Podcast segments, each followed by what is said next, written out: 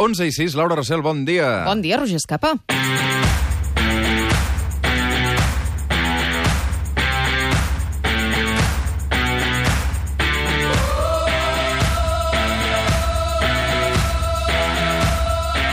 Laura, com anem?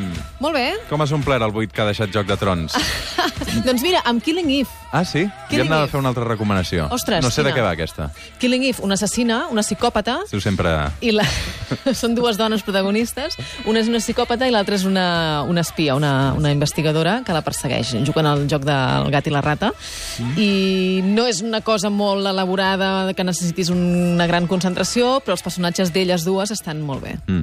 Quina em Eh, recomanaves? Chernobyl. No, Eh, sé, gràcies. sé que en parla tothom, eh? però Sí. uh, és que a les 12 avui dedicarem al Dones de Culte a intentar entendre què va passar exactament, perquè la història és coneguda, però Sí. um, per què hi va haver aquella reacció, si pot tornar, no s'hi pot tornar... És que m'han dit que fa patir tant Fa patir, sí. que no... És que sí, no, sí, no si ets de aprensiva, patir. no te la recomano perquè hi ha imatges que... hi ha moments que has d'apartar la vista del televisor. Um, tu, Chernobyl, com has- m'has dit? Killing Eve? Killing Eve. Fantàstic. Sí. Avui, lletra I de l'Abassada i Lila, que cada diumenge ens eh, explica la Laura Rossell al suplement. Eh, un concepte, una dona i una recomanació. Repassant el guió, t'he dit que eh, d'entrada hi hem trobat una cosa que no ens quadra gaire. Eh, Ibeco, I de Ibeco. Ibeco és un concepte... Bé, Ibeco és una empresa i és el marc també on s'ha comès un delicte, se n'ha parlat molt aquesta setmana, el suïcidi d'una dona, de la Verònica, després que els companys de feina compartissin entre ells un vídeo amb contingut sexual d'ella. M'agafo la reflexió que fa la Gemma Herrero en un article a la web de Fotlipou. Hem d'assenyalar tots els homes que van reenviar aquell vídeo, el van rebre i el van difondre, un vídeo amb la seva companya, perquè tots són responsables del suïcidi d'aquesta noia, considero. Ahir també en vam parlar amb la Maica Navarro, www.catradio.cat. Podeu recuperar l'espai de l'Hora Negra de la Maica, um, on explicava també el que havia passat aquesta última setmana. Quines lectures fas de, de la història i de tot el que s'ha anat publicant, tu, Doncs Laura? mira, que el desig sexual de la dona i el d'un home no tenen la mateixa càrrega, perquè el de la dona continua estant penalitzat. Ella és una fresca, ella s'ho fa amb qualsevol. Um, per què l'home se sent en el dret d'exhibir la dona despullada o la dona amb un vídeo sexual? Doncs eh, és molt significatiu, ens porta a pensar en la possessió, en la superioritat, en la falta de respecte de l'home cap a la dona. Quin objectiu hi ha darrere tot això, que se'n diu pornovenjança? Doncs humiliar la dona, castigar-la, fer-li mal. Per mi, això té connexions també amb el cas de la manada. Mm. Uh, recordeu que els violadors d'aquella noia de 18 anys van gravar l'escena amb el vídeo d'ella. I atenció també a la reacció matxirula, podríem dir. Aquí sí que salten totes les alarmes i, com diu la Belolit, venen ganes d'agafar una metralleta i cremar-ho tot. Tot això ho dius perquè has sentit Fran Rivera aquesta setmana. Fran Rivera, torero i olé. A ningún hombre consiento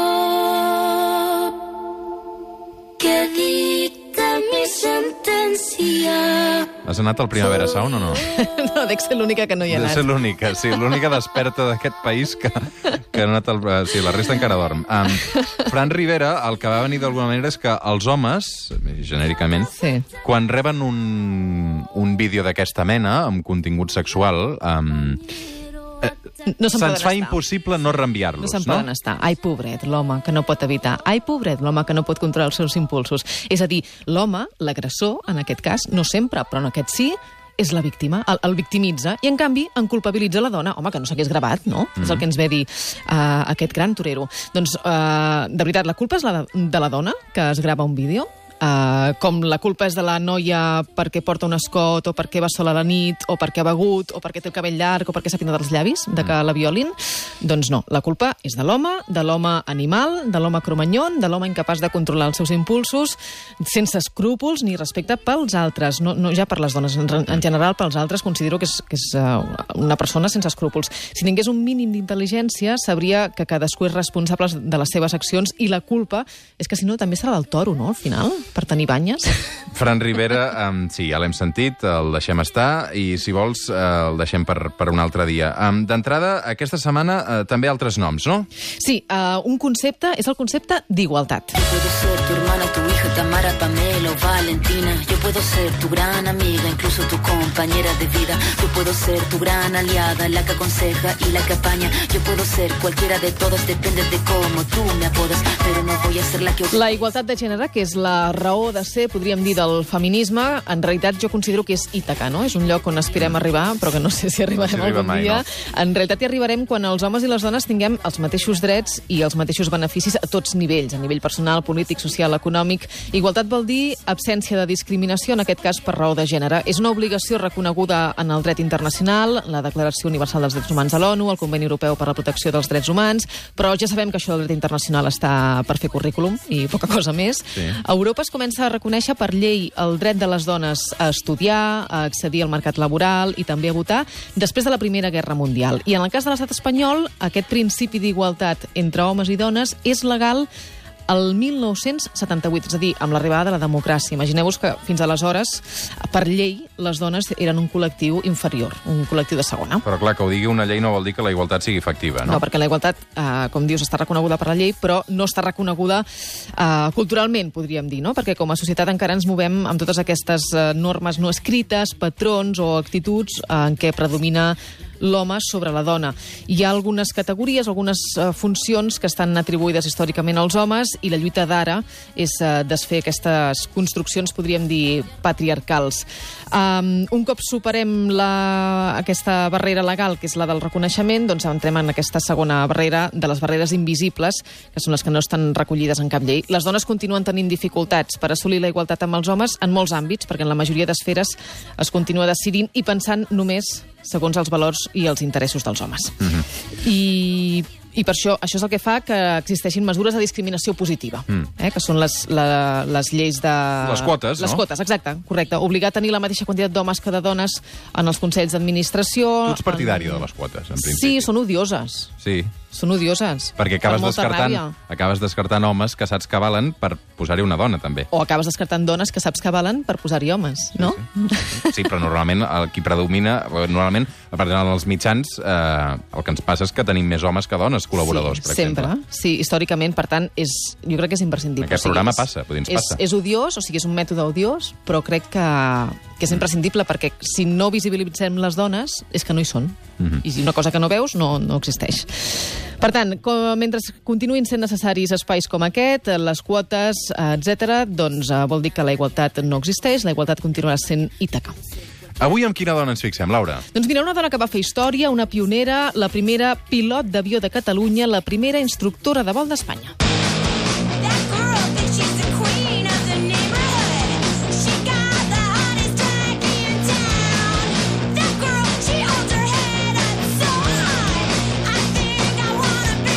Maria Josep Colomer i Luque. O Maripepa Colomer, com tothom la coneixia. Potser em vau sentir a parlar a finals d'any, quan Pedro Sánchez va fer aquella visita tan discreta, aquella visita tan esperada i tan aclamada a Ui, Barcelona. quina ironia, saps? eh, Rossell? A veure, el Consell de Ministres, dius. Sí, home, aquell Consell de Ministres que, més de bloquejar Barcelona, tensionar el carrer, tornar a posar a prova els Mossos, doncs també va servir per canviar el nom a l'aeroport de la ciutat, que tothom sap que era una reclamació històrica. Vaja, que els Sí, home. catalans portaven anys demanant que es rebategés l'aeroport. Tu Per dius fi- Josep Tarradellas quan vas a volar? Sí, jo cada vegada. Dic, sí, anem, anem, quedem allà al Tarradellas. Quedem al Tarradellas.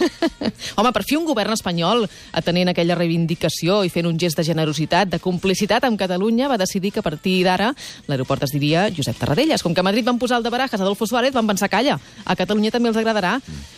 Bé, senyors Lluan, senyors, com sempre, arran d'aquell bateig inesperat i incomprensible, molts van recordar que hi va haver una dona que va fer història en l'aviació i que potser si s'havia de canviar el nom de l'aeroport, en tot cas, hauria d'haver estat per, per el nom d'ella, per Maripepa Colomer. Uh, però qui sap qui era Maripepa, Maripepa Colomer? Perquè jo la vaig descobrir uh, després d'aquella polèmica. Tu la vas descobrir jo, ahir. Ahir llegint el teu guió. Um, sí, sí. Doncs un, un altre cas d'una altra dona injustament invisibilitzada. Va néixer el 1913, no? Va néixer el 1913, correcte. El seu pare era José Mari Colomer, un industrial tèxtil, també bohemi, amic, per exemple, de Picasso i de Dalí, i aviador. Per tant, ja s'entén que la filla heretés aquella passió pels avions des de ben petita. Ella volia volar i fins i tot ho va intentar. Un dia, mm, amb aquesta afició que la caracteritzava per la- l'afició a l'aviació, li va semblar que l'aviació anava íntimament lligada amb, el, amb els paracaigudes. I llavors no se li va acudir altra cosa que agafar un paraigua, sortir al balcó de casa seva, que vivia en el carrer d'Urgell, i es va tirar a terra. Es va quedar molt parada quan va arribar a terra perquè s'havia trencat costelles, s'havia fet malbé tots els ossos, Clar, tenia 7 anys i vivia en un quart pis, com va fer aquest experiment de saltar amb un paraigua. Aquest que sentíem qui era? Aquest és el seu cosí, Fèlix Colomer, en un capítol del programa Un segle per les dones, que fa uns anys va fer Televisió Espanyola. Ella volia volar, els avions la tornaven boja, sempre que podia anava al Prat i passava hores pujant i baixant de les avionetes que estaven allà aparcades, parlant amb els mecànics i amb els pilots, i anava fins i tot d'amagat dels pares, sobretot de la mare, que es pensaven que era l'escola. Era una noia rebel, diuen els que la van conèixer, si entenem aquesta rebel·lia com les ganes de trencar la norma, de, de trencar amb el que s'esperava d'ella. El seu pare va ser un aliat, en realitat, amb, amb la Maripepa, perquè la va matricular a l'Institut de Cultura i Biblioteca Popular de la Dona, aquella escola que vam explicar al principi, a la lletra B, de la Francesca Bonmaison, doncs sembla que la va animar a perseguir el seu somni. I amb 17 anys, la Maripepa entra a l'Escola d'Aviació de Barcelona, allà entra en contacte amb alguns dels pilots de l'època i aviat aconsegueix treure's el títol de pilot. En l'examen final, per ser Roger, havia d'aterrar l'avioneta de nit a l'aeròdrom de Sabadell. Home, mític, també. que que tu vas, quan vas allà, entres a Sabadell i vas com et Correcte. passen per sobre. Era una proesa en aquella època, eh? era l'any 30, la primera dona que ho aconseguia, la Vanguardia va publicar la portada, va aconseguir una notorietat que li va anar molt bé perquè la convidaven a tots els homenatges i totes les trobades, però amb això no tenia tot fet, perquè encara havia de demostrar que no era una anècdota ni un caprici que ella pilotés, havia de demostrar que era tan bona pilot com els homes, i va començar a participar en tots els concursos d'aviació que se li posaven al davant. El 1935 va aconseguir una altra fita, es va convertir en la primera dona instructora de vol d'Espanya. Penseu que és l'època en què es comença a saber de què va això de l'aviació. S'estan provant avions de tot tipus, s'inauguren les primeres rutes aèries, es fan servir uns instruments i unes tècniques que ara ens poden semblar molt rudimentàries, perquè volaven, per exemple, d'un punt a un altre amb un mapa en paper al davant, marcant el recorregut en llapis. És l'inici també de la indústria aeronàutica a, a Catalunya i Barcelona era capdavantera en aquell moment, tant pel que fa a la indústria, és a dir, a la fabricació de motors, com pel que fa a la pràctica de l'aviació. I al costat d'altres pilots, la Maripepa va acabar creant l'Escola Catalana d'Aviació. Va ser poc abans que esclatés la Guerra Civil, i amb la guerra tot va canviar. Do you remember when you walked with me down the street into the square? Clar, amb la guerra suposo que um, hi havia gent que havia d'aprendre a volar, no? Correcte. Feien falta pilots i feien falta avions volants, sobretot. Uh, la història de la Guerra Civil a Catalunya no es pot explicar sense la figura de la Mi- Maripepa Colomer. La Generalitat la va reclutar i ella es va convertir en una figura molt destacada del bàndol republicà. Va començar a treballar a l'Escola de Pilots, formant pilots de combat per les Forces Aèries de la República i va arribar a tenir un rang d'oficial. A més de seguir fent d'instructora, va treballar com a pilot de suport a les tropes, fent d'aeroambulància, podríem dir, recollir els ferits al front i els portava a la ciutat, i també repartint propaganda. Què va fer la Mari Pepa durant la guerra, no la eh, mundial, sinó la nostra? A la nostra guerra, el govern de la Generalitat es va dar compte de que tenia unes funcions a fer com a govern de Generalitat i la va aprofitar els serveis de la Mari Pepa per fer-la sortir. Ja des dels primers dies va passar que um, la Generalitat, aquesta frase de la Generalitat vella per vosaltres, um, la va imprimir amb uns folletos i volia que aquests folletos es divulguessin per tota la ciutat. Llavors es van recordar que la Mari Pepa era una dona aviadora que teníem a Catalunya i que ella ho podria fer. I efectivament es va passar molts dies, dels primers de, de, de la guerra, mm, tirant pamfletos per tot Barcelona. La Maripepa pilotava un Havilland Dragon amb capacitat per 8 persones i una velocitat de creuer de 170 km per hora. Uh, 170 km per hora és, és velocitat de cargol al costat de la velocitat que tenien els caces de guerra. I com s'ho feia? Però ella era la millor portant aquest Dragon, ningú el pilotava com ella. Per esquivar-los havia de volar molt baix, com més a prop de terra millor, per tant esquivant cables i turons, i era una de les millors també professores de l'Acadèmia de l'Exèrcit, especialitzada en una maniobra que és uh, mig looping, Mig looping. Sí, que es tracta de fer una mena una tombarella amb l'avió, volar cap per avall durant una estona i així t'escapes de, del, del caça enemic. També va ajudar a creuar la frontera centenars de persones. Bé, al final l'ambient era tan irrespirable a Barcelona que ella també es va exiliar. Va sortir del país acompanyada de Josep Maria Carreras i de Xeus, pilot, antic professor seu i poc després marit. Van fer una parada breu a França, a Toulouse, eh, com tants altres exiliats catalans, però després es van acabar instal·lant a Anglaterra, on ja van viure la resta de, de la seva vida. De fet, Colomer mm. Va morir a Anglaterra. I què va passar a Anglaterra? Doncs allà hi arriben sense res, perquè tots els diners que tenien i tot el patrimoni s'havia quedat a Barcelona, per tant, ho havien perdut tot. Per sort, en Josep Maria Carreras tenia algun contacte al govern de Londres i els van ajudar a establir-se. Aviat també va esclatar la Segona Guerra Mundial, les forces aliades necessitaven personal i a ell el van reclutar per pilotar avions de guerra. Ella, en canvi, no va pilotar mai més un avió. No, no hi havia feina, deia, per una dona pilot. El seu marit sí, eh, que es va consolidar com un gran aviador al servei del govern britànic, mentre que ella es va dedicar a cuidar els dos fills i la granja que tenia. I van morir el, va morir el 2004 amb 91 anys. You are mine and I am yours. Algú que coneix molt bé la història de la Maripepa Colomer i que, de fet, la va conèixer personalment és la Mercè Martí, campiona de la volta al món del 94, una de les millors aviadores d'aquest país. Mercè, bon dia. Hola, bon dia. I gràcies per atendre la trucada del suplement. Com us va conèixer amb la Maripepa Colomer? Bueno, va ser un, un cúmul de, de casualitats. Jo, el 2003, feia un vol per commemorar el centenari de l'aviació i, i em vaig enterar de que, de que ella era viva. I llavors vaig... Ostres, resisteixo, no, és una, una cosa totalment in, inèdita, no? insòlita. I, I em vaig posar en contacte amb ella perquè la volia conèixer i volia, volia fer coincidir pues, l'homenatge de, dels 100 anys d'història de l'aviació pues, amb, un, amb un personatge com ella, vivent, i que, i, que, i que a més a més estava a prop, no? relativament a prop, estava a Londres i ella vivia a Sura Gatwick, i, i em vaig posar en contacte també, casualment, amb la segona dona pilot catalana, que era la Dolors Vives, que tenia bona relació amb ella, i vaig aconseguir fer una, un homenatge a través de la Generalitat, al Departament d'Esports de la Generalitat, amb el, amb el secretari general, el senyor Maldonado, de fer un homenatge a aquestes dues dones pilots, aprofitant que estaven vives i aprofitant que jo feia doncs, una, una, una competició de commemoració històrica. Mhm. Hola, Mercè, bon dia. Hola. Què, què va significar per tu conèixer a, aquestes dues dones pioneres de l'aviació?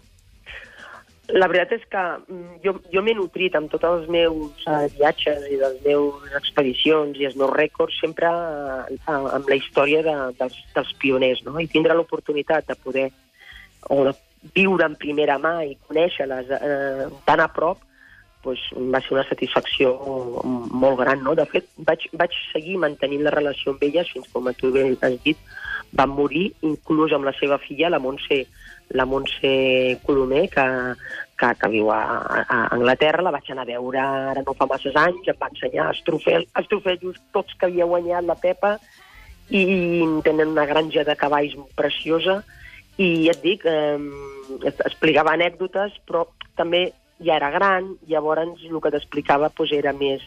Mm, mm, no tant al detall, Clar. i, i, i, i, i, i no sé, es va crear com una inèrcia i es va crear com, un, com un, una amistat amb, amb, una, amb una diferència d'edat tan gran que, que jo recordaré tota la vida. La veritat és que dones que van trencar, i especialment la Pepa, motllos, perquè jo em poso la pell i, i avui en dia, al segle XXI, em trobo encara amb algunes barreres, no?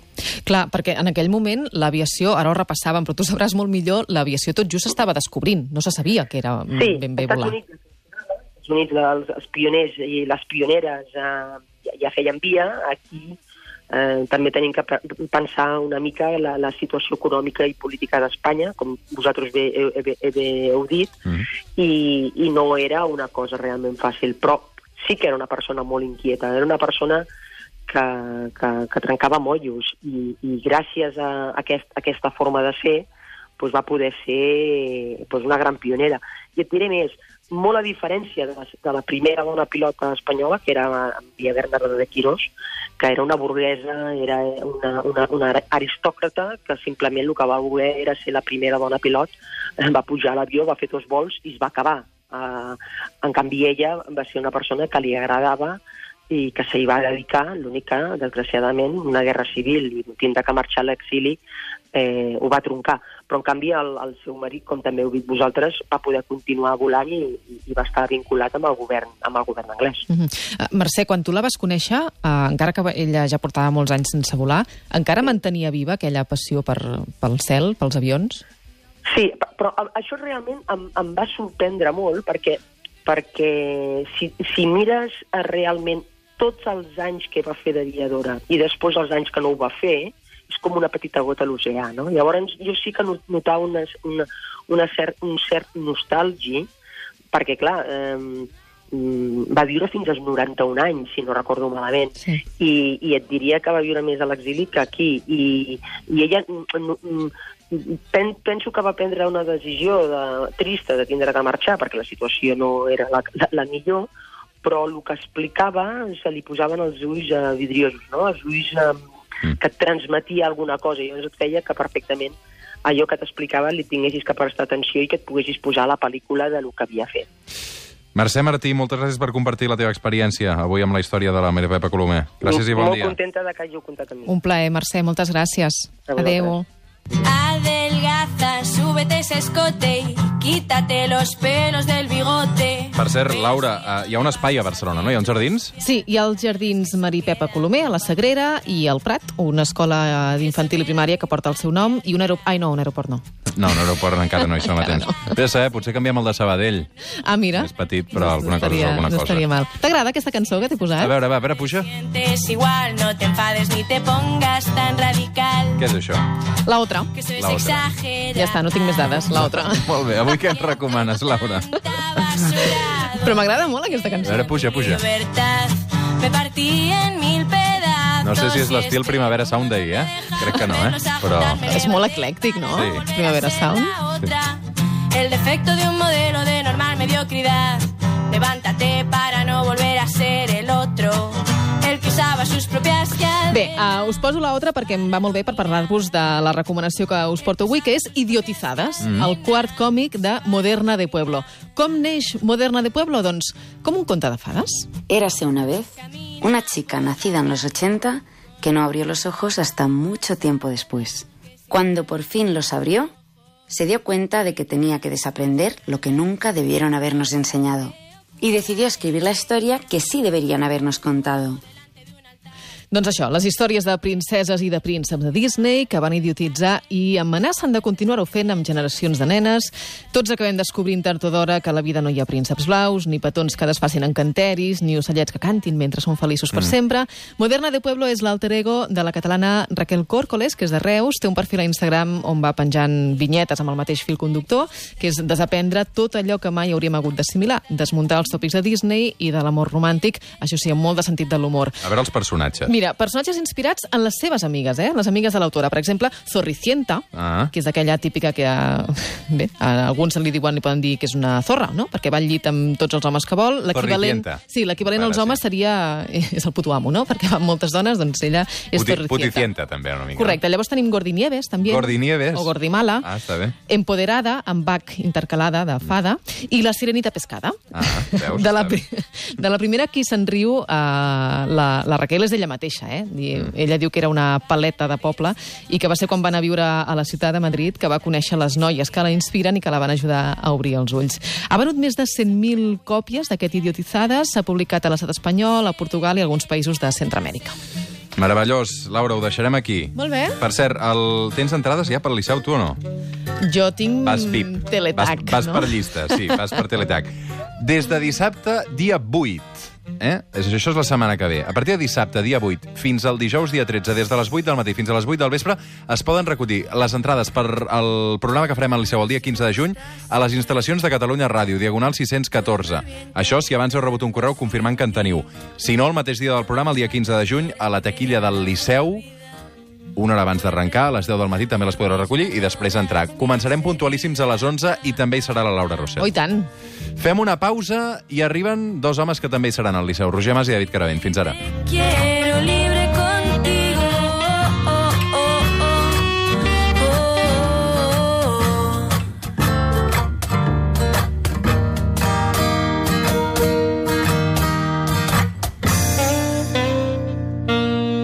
oh. El suplement amb Roger Escapa.